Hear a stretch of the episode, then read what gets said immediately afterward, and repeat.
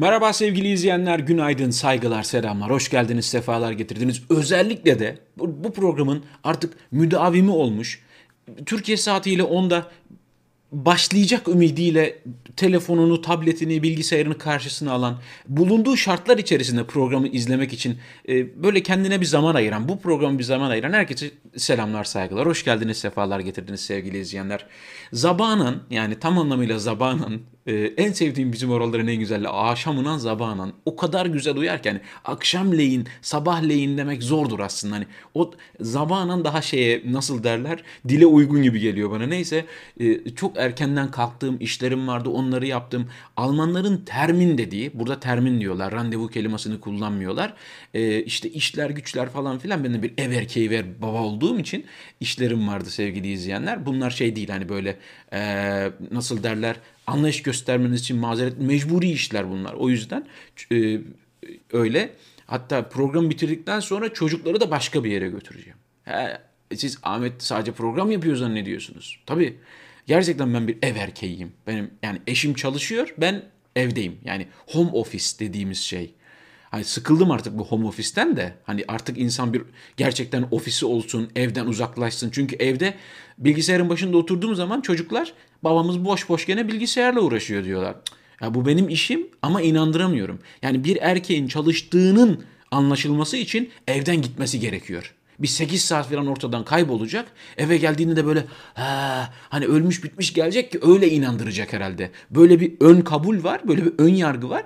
Ben evde işim bu yani şu oturduğum yerde program bitiyor ben işime devam ediyorum. İyi de birader sen ne iş yapıyorsun sen ne ayaksın derseniz uluslararası bir ajanslık yapıyorum yani. Ajan... uluslararası derken Türk, Alman olunca uluslararası oluyor otomatikmen. Yani burada bir, bir mesleğim, bir işim var sevgili izleyenler bu, bu yaptığım yayının dışında. Ama yaptığım yayına çok yakın bir iş olduğu için yine kamerayla, yine mikrofonla, yine ışıkla, yine bilgisayarla benim için farklı bir alan, farklı bir sektör olmuyor. Yani öyle bir durumum var. Ben burada bayağı bir zaman geçiriyorum. Artık bu pandemiden de koronavirüsten de yoruldum, sıkıldım. Eminim babalar beni anlayacaktır.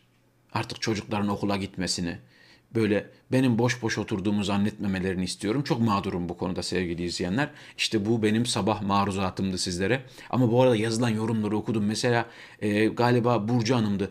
Diyor ki inekleri sağdım, sütü pişirdim, kahvaltı hazırladım diyor. Mesela böyle izleyicilerimiz var. Evet evet erkenden kalkıp işini yapan insanlara çok saygı duyuyorum. Hakikaten günün çok bereketli, çok böyle mükemmel geçtiğini hissediyorsunuz o zaman tavsiye ederim. Zaten bu saatte bu programı izliyorsanız çok da geç kalkan insanlar değilsinizdir. Neyse burası böyle bir muhabbet olarak aklı gitti de. Sevgili izleyenler günün konu başlığı Nusret var, et var ama adalet yok. Nereden geldi bu mevzu? Konuşacağız zaten biliyorsunuz mevzuları. Şuradan başlayalım. Birinci konu başlığımız Avrupa Birliği'nin Dışişleri Bakanları, Avrupa Birliği ülkeleri Türkiye'ye bazı yaptırımlar uygulamayı düşünüyorlardı.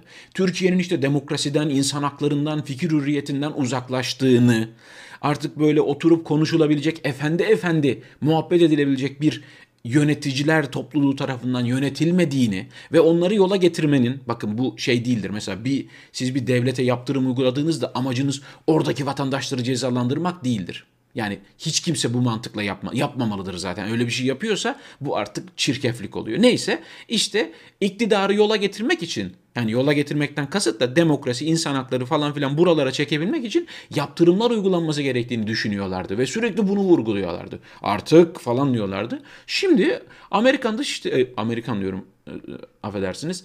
Avrupa Birliği Dışişleri Bakanları Aralık'taki liderler zirvesinde Türkiye'ye karşı kararlaştırılan ek yaptırımları rafa kaldırdı. Neden? Almanya Dışişleri Bakanı Maas demiş ki olumlu gelişmeler kaydedildiğini gördüğümüz için Türkiye'ye karşı bugün yaptırım kararı almadık dedi. Olumlu gelişmeler görmüşler sevgili izleyenler. Avrupa Birliği'nin Dışişleri Bakanları öyle diyorlar. Peki onlar ne gördü de biz göremedik? Bizim görmediğimiz neyi görmüş olabilirler? Çok basit sevgili izleyenler. Çok basit. Erdoğan salarım üstünüze 3 milyon 5 milyon mülteci diyor ya. Salmaktan vazgeçiyorsa bir şekilde parada anlaşıyorlarsa hani diyorlar biz 40 milyar dolar harcadık bir 40 milyar da harcarız falan diyorlar ya. O işte o değirmenin suyu Avrupa Birliği'nden geliyor biliyorsunuz. mültecilere, mültecilere verdikleri paraların e, kaynağı Avrupa Birliği ki hepsini vermiyorlar. Bu, bu soruna sebep oluyor zaten. Hatırlayın Frau Merkel dedi ki biz paraları mültecilere bizzat aracısız herhangi bir aracı olmadan vermek istiyoruz dedi. Erdoğan bunu kabul etmedi. Bize güvenmiyor musunuz Merkel Hanım abla? Ne yamuğumuzu gördünüz şimdiye kadar? Kaç milyar euro verdiniz de dokunduk dedi. Bu soruna dönüştü tabii otomatikmen. İşte e demek ki orada parada marada anlaşıyorlar. Sonra Türkiye biliyorsunuz mehter marşlarıyla Akdeniz'e gemiler gönderiyor. Petrol aramak, doğalgaz aramak için. Sonra böyle tıpış tıpış geri alıyor ya. Bunların gördüğü olumlu adım bu. Yoksa yani gazeteciler tutukluymuş. On binlerce insan tutukluymuş. Yargısız infaz varmış. Masumiyet karinesi diye bir şey yokmuş. Medya özgürlüğü yokmuş falan filan. Buna çok baktıklarını zannetmiyorum. Şayet bunlara bakacak olsalardı ho yaptırımın kralını uygularlardı. Yani işte kendi istedikleri bir isim olursa bir şekilde serbest bıraktırıyorlar. Baskıyla şunla bunla. Ee, ama öyle. Yani sana bana gariban e, kahvedeki Mahmut abiye kimse bakmıyor yani. Öyle.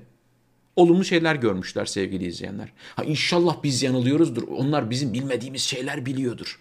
Onlar bizim göremediğimiz derinlikleri görüyorlardır böyle. Duvarın arkasını da görebilecek Süpermen gözleri vardır. Ya bir ışık görmüşlerdir. De yani keşke güvenebilsek bu konuda.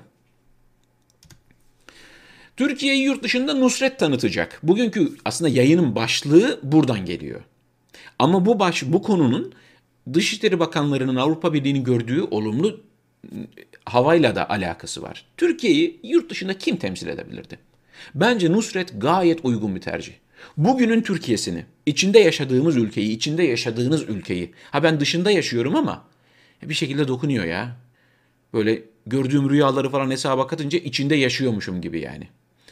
E, gerçekten Nusret dışında kim temsil edebilirdi? Aklınıza mesela gerçekten iyi bir örnek geliyor mu? Yani hatta canlı sohbet kısmına da bakayım şu anda. E, gerçekten yazılı bir şey var mı? Yani aklınıza gelen iyi bir örnek. Türkiye'yi kim temsil edebilir? Ben söyleyeyim yani. Nusret dışında Arda Turan temsil edebilir. Bu şartlarda bakın. Bu şartlarda. Yani çünkü elimizde yani inanın aklıma birisi gelmiyor. Bu şartlardan bahsediyorum ama aklınıza çok iyi sanatçılar, çok iyi yazarlar, müzisyenler, sporcular geliyor olabilir. Ama onların devir onların devri değil ki. Devir nazik insanın, beyefendi insanın, hanımefendi insanın devri değil ki. Mütevazı insanlar yani iyi insanlar enayi olarak adlandırılıyor. Mütevazı insanlar ezik olarak kabul ediliyor. Beyefendi, hanımefendi insanlar yani kafasına vur ekmeğini al diye bakılıyor. Dürüstseniz, açık sözlüyseniz, gerçekleri söylüyorsanız lan bu doğru konuşuyor, bu terörist olabilir mi diyorlar. İnsanlar dürüst olmaya, düzgün olmaya, e, böyle hani namuslu, şerefli, haysiyetli yaşamaya öyle yaşıyor mu onu göstermemeye çalışıyor ya. Düşünebiliyor musunuz? Hani meşhur o Şener Şen filminden hatırlarsanız. Aziz Sancar. Yani mümkün mü sizce? Gerçekten bakın çok yanlış düşünüyorsunuz. Şu şartlarda diyorum tosuncuk olabilir bak. Bu şartlardan bahsediyorum. Bugünün Türkiye'sini nasıl tanıtırsınız? Gerçekten uyum sağlıyor mu? Mesela Hamza Yerlikaya uygun mesela. Bunun gibi örnekler popüler, meşhur, adı var ama yapısı, karakteri ve imajıyla bugünün Türkiye'sini tam yansıtacak. Mesela sahte diplomalı olimpiyat şampiyonu Hamza Yerlikaya. Normalde Hamza Yerlikaya sadece olimpiyat şampiyonu olarak hayatına devam etseydi, Vakıfbank Yönetim Kurulu üyesi, bakan yardımcısı, cumhurbaşkanı başdanışmanı falan olmasaydı ve benim diplomam var diye bir yalan söylememiş olsaydı saygı duyacağımız, alkışlayacağımız, değer vereceğimiz birisiydi ki öyleydi zaten. Ama o özelliğiyle öyleydi. Ya arkadaş ben 10 yıl radyo programcılığı yaptım. Vakıfbank Yönetim Kurulu ne, ne öyle bir şey olabilir mi? Böyle mantıksızlık olabilir mi? Eğer iyi güreşen alıyorsanız Japonya'dan gidin 3 tane sumo güreşçisi getirin. Onları şey yapın yani bankalara müdür yapın. Onlar daha iyi yani Hamza'yı da yenerler. Egemen Bağış, Melih Bulu, Reza Zarrab böyle isimlerden bahsediyorum. Dolayısıyla şu an sevgili izleyenler şöyle söyleyeyim. Bakın acı bir şey söyleyeceğim. Türkiye'nin e, Avrupa'da, dünyada en iyi tanındığı konu et. Et, döner, kebap. Döner kebap. Nerelisin? Hani where are you from? I'm from Turkey. Aa döner kebap. Bu. Bütün mevzu bu. Almanya'nın her yerinde döner kebap. Her yer, her yer. Yani Türkler olarak burada yaşayan 4-5 milyon Türk olarak evet emeğimizi vermişiz. Evet yıllarca işte madenlerde, fabrikalarda çok ağır işlerde çalışmışız. Evet doğru. Bir de bir de buraya döner getirmişiz. Başka başka sağlam bir iz bırakamamışız. E, Avrupalılar falan da bununla ilgili döner kebap çok güzel hani bu. Ya arkadaş Türkiye'de dönerden, kebaptan çok hak yiyorlar. İnsanların ömrünü yiyorlar. Bizim Türk mutfağımız var ya. Türk hamamımız var ya, Türk lokumumuz var ya evet. Bir de bizim zulmümüz var. Bir de insan hakları ihlallerimiz var. Bir de adaletsizliklerimiz var. Kaybolan insanlar var. Yargısız infazlar. Tabii faili meçhuller. Bir de bunlar var. E bunlara odaklanmayın. Ülkede adalet olmayınca nusret var, o et var. E bunu tanıtacağız.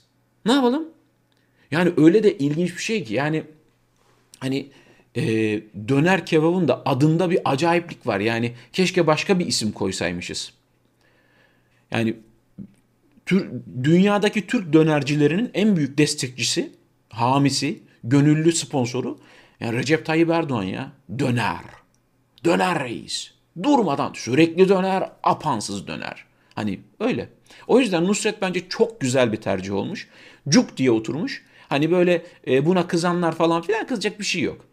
Gerçekten mesela örnek veriyorum ya böyle hani e, Aziz Sancar yazmışsınız ya. E, zorluyorum bakın zihnimi kim olabilir falan diye. E, hadi şey yapıyorum.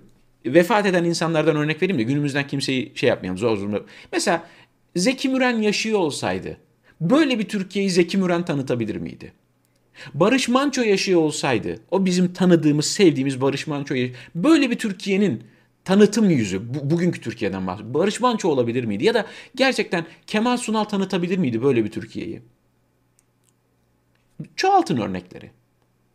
Hani hafızamızdaki o güzel izler bırakan insanları düşünün. Onları böyle tanıtım yüzü olarak düşünün. Yok hayır hayır hayır hayır. Evet. Öyle. Et. Tanıtacağımız, dünyaya verebileceğimiz tek şey bu et yani. Döner. Çok iyi dönüyoruz. Cumhurbaşkanlığından makam aracı kararı gördünüz mü? Sevgili izleyenler bakın izlememişsinizdir belki ama benim kanalımda e, Almanya'da kaos diye bir şey vardı. Ben şimdi tam videonun adını bile hatırlamıyorum. İnanın ben bunun haberini yaptım. Tamam mizah yaptım, tamam ironi yaptım. Bazı izleyicilerimiz şey diyor. Neden uyur gezer yapmıyorsun? Uyur gezer yap. ironi iyi oluyor falan diyor. Bir ara çok yaptım sevgili izleyenler. Şu anda da yapmayı çok istiyorum da. E, programın girişinde bahsettiğim durumlar var ya. Home office, çocuklar evde. Aman Allah'ım böyle yani hakikaten o uyur gezer yapacak uygun ortam bulmak zor. Sabah erkenden çocuklar uyanmadan programı bitirip işime bakabilirsem şükrediyorum şu anda. Gerçekten başka bir şey yapmaya çok fazla vaktim olmuyor. Ee, o yaptığım videoyu izlerseniz ben orada bundan bahsetmiştim. Hani yer, yerli oto yapıyoruz. Almanlar e, büyük bir kabus yaşıyorlar. Çünkü artık biz makam arabası almayacağız. Otomatikmen Volkswagen, Audi, BMW, Mercedes iflas edecek. Biz makam arabası almazsak onların hepsi iflas eder. Diye böyle bir geyik yapmıştım gerçek oldu. Cumhurbaşkanından makam aracı kararı, makam aracı kararı, kamu kuruluşlarında yoğun bir şekilde kullanılan Volkswagen Passat modelinin peyderpey Renault'a öncelik verilmek kaydıyla Ford ve Toyota markalarıyla değiştirilmesi istendi. E azıcık daha dişinizi sıksaydınız e yerli oto yapıyorsunuz. E yerli araba yapıyorsunuz. Tam bir ses seda çıkmıyor. Bir numaranızı görmedik şimdiye kadar ama inşallah yaparsınız.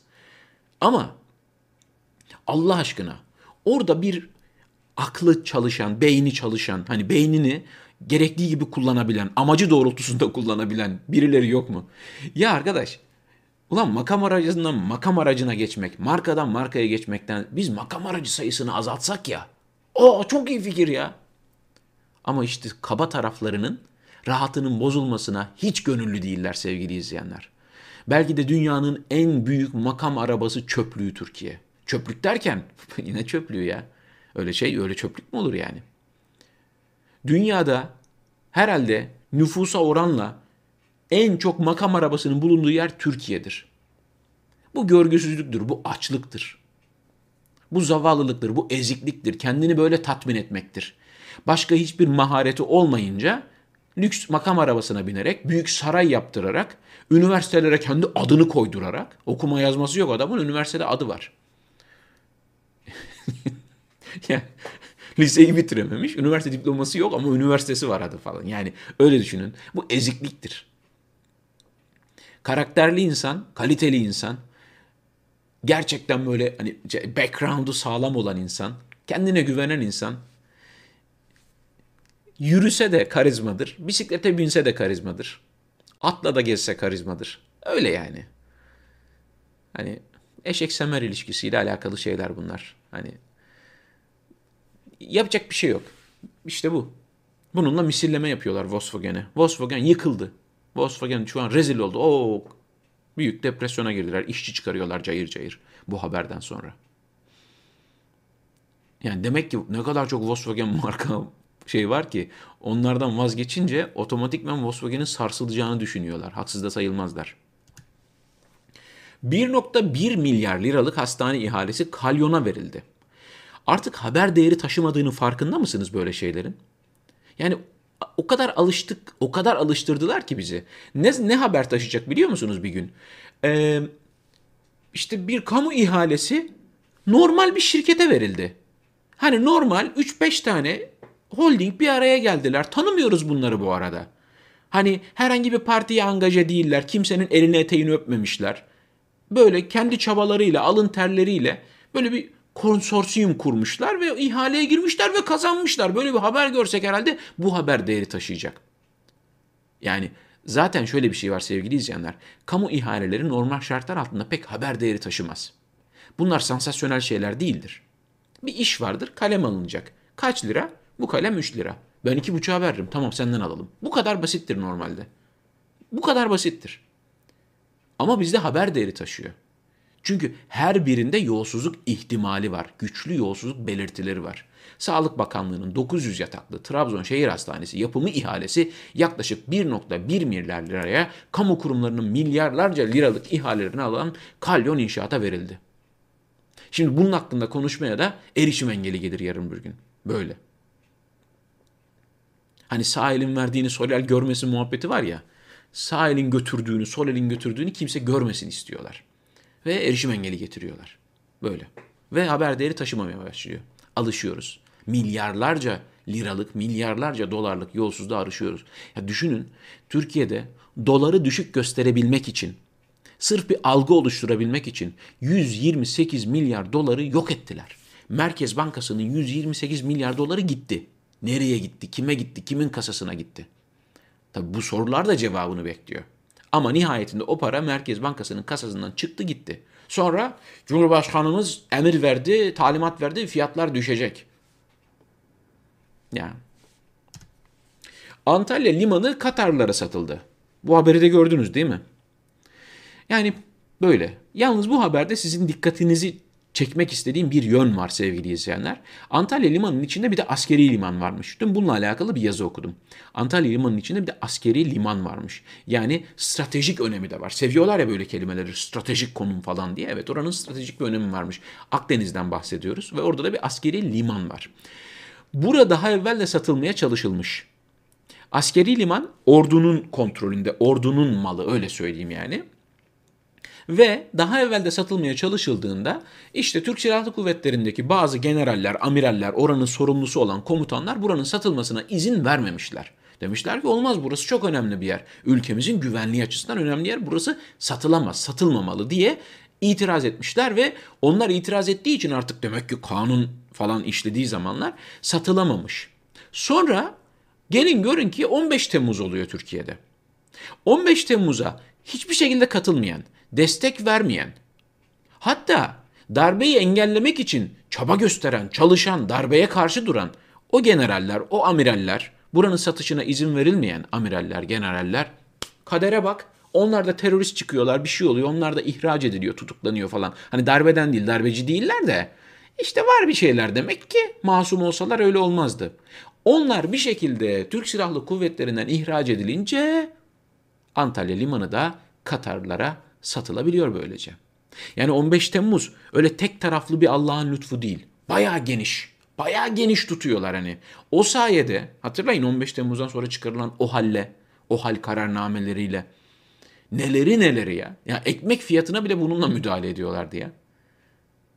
Yani İstanbul'un bilmem neresinde İstanbul Büyükşehir Belediyesi'nin yapacağı bir şeye bile bununla müdahale edebiliyorlar yani. Hani o hal kalktı güya ama Türkiye artık kalıcı bir o halle yönetiliyor. Bakın Türkiye'nin en kıymetli yeri, en kıymetli yerlerinden birisi satılıyor. Ama ne oluyor birader diyemiyoruz. Ya bir dakika ne oldu falan diyemiyoruz. Geçmiş olsun. Bay bay. İçişleri Bakanı Süleyman Soylu, CHP lideri Kemal Kılıçdaroğlu hakkında valilerle ilgili sözleri nedeniyle suç duyurusunda bulunacağını açıkladı. AKP sözcüsü Çelik ise Kılıçdaroğlu'nun nazi ağzıyla konuşmakla suçladı. Şimdi şöyle, yani bunda diyecek bir şey yok. Ee, burada Kemal Kılıçdaroğlu'nun da hatası var. Her zaman olduğu gibi Kemal Kılıçdaroğlu yanlış muhalefet yapıyor. Hani muhalefet yapmaya çalışıyor. Bazen çok iyi şeyler yapıyor. Yine kendi kalesine gol atıyor. Dava açmazsanız namertsiniz diyor. Ya kardeşim dediğiniz bak namertsiniz dediğiniz her şey ya adamlar çünkü namert. Adamların öyle bir derdi yok. Siz ona namertsiniz, onurlu adam, şerefli adam böyle yapmaz, dürüst dediğiniz zaman onlar da bir şey etki oluşturmuyor. Kimden bahsediyor ya bu diyorlar. Mesela siz şeref, onur, haysiyet, mertlik falan dediğiniz zaman o kısımlar onlarda bir şey oluşturmuyor. Hani sinir uçlarını harekete geçirmiyor yani. E, o yüzden yanlış yerden gidiyorsunuz. Yani milletvekili dokunulmazlığının kaldırılmasına evet oyu verdiniz mi? Verdiniz. Yani o kadar kendinizi güvende hissetmeyin. Tutuklarlar. Kayyum atarlar. Yaparlar. Bunun önünde durabilecek hiçbir engel yok sevgili izleyenler. Türkiye'de herhangi bir büyük hukuksuzluğu durdurabilecek bağımsız bir şey yok. Denetim mekanizması, yargı falan filan yok. Dolayısıyla da Kemal Kılıçdaroğlu sözlerinde haklı dahi olsa, tamamen masum bile olsa, nasıl ki binlerce masum bile olduğu halde cezaevinde olan binler var, on binler var, hakları gasp edilmiş, meslekten ihraç edilmiş, pasaport alamayan, hiçbir yatırım yapamayan, hiçbir yerde işe giremeyen, ya tamam ben yurt dışına gidiyorum o zaman denil, dediğinde yurt dışına da gönderilmeyen on binler var, yüz binler var, sizler varsınız falan. E, Kemal Kılıçdaroğlu da yani bu suç duyuruları neticesinde olur mu olur yani. Ha, şaşırır mısınız? E, tabii ki işte olu, işte Avrupa Birliği şey der o zaman. Kaygıyla izliyoruz. Şiddetle kınıyoruz falan derler. O kadar yani. Bu olur. Bu olur yani. Onun daha fazla bir şey olacağını zannetmiyorum. Clinton ailesi terör örgütü PKK, YPG'ye TV dizisi çekmek için kolları sıvadı. Haberi okuyunca bir şey yapıyorsunuz değil mi? Haberin içeriği şu sevgili izleyenler. Haberi veren Cumhuriyet Gazetesi. Ee, bu şekilde veren Cumhuriyet Gazetesi. Haberin içeriği şu. Clinton'ın kızı, Hillary Clinton'ın kızı Kobani'deki bir kadının, Kobani'deki kadınların hikayesini dizi yapacakmış. Bu kadınların özelliğine bu kadınlar IŞİD'e karşı savaşmış kadınlar.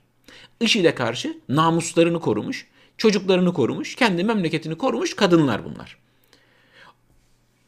Hani şöyle söyleyeyim çözüm süreci zamanında Kobani yani koridor açılmıştı. işte Kürt peşmergeler gitmişti Kuzey Irak'tan gitmişlerdi yardım etmişlerdi.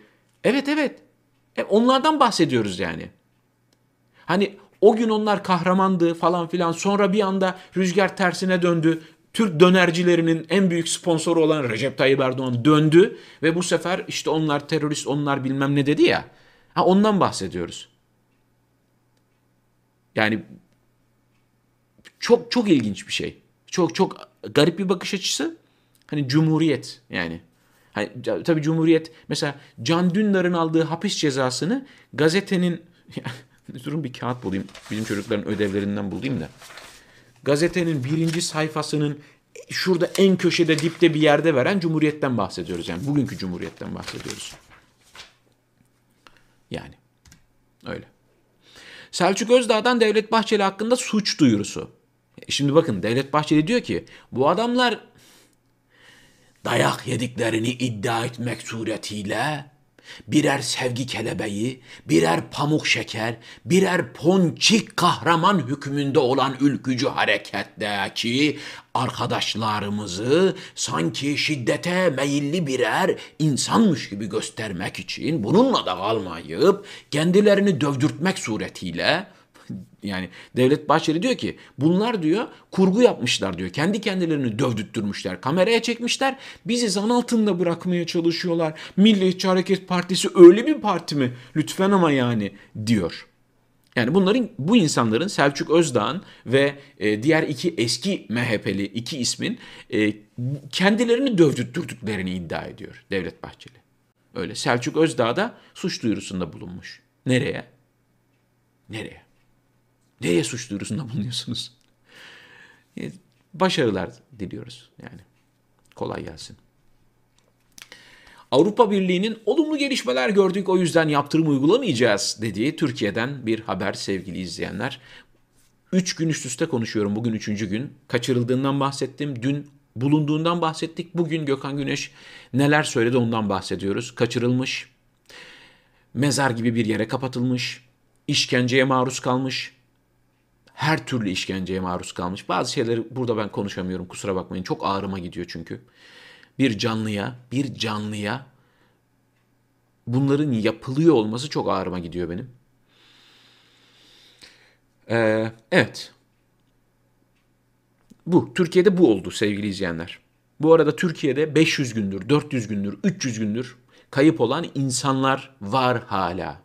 Var ve akıbetlerinden habersiz bir şekilde ailesi, yakınları, çocukları, arkadaşları onları bulmaya çalışıyorlar. Ama sadece kendileri çabalıyorlar.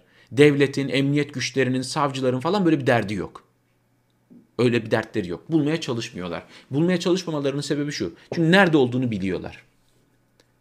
Kim kaçırdıysa, nasıl bir organize şebeke kaçırıyorsa onları, ortadan kaybediyorsa onlara bir şey diyemedikleri için arıyormuş gibi de yapmıyorlar.